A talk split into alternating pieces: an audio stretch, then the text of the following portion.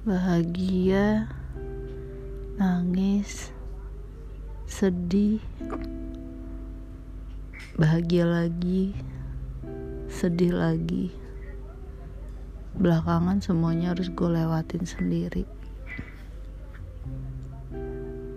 Gak ada yang istimewa dari cerita hidup gue. Cuma cerita ini suatu saat akan jadi sejarah buat anak-anak gue.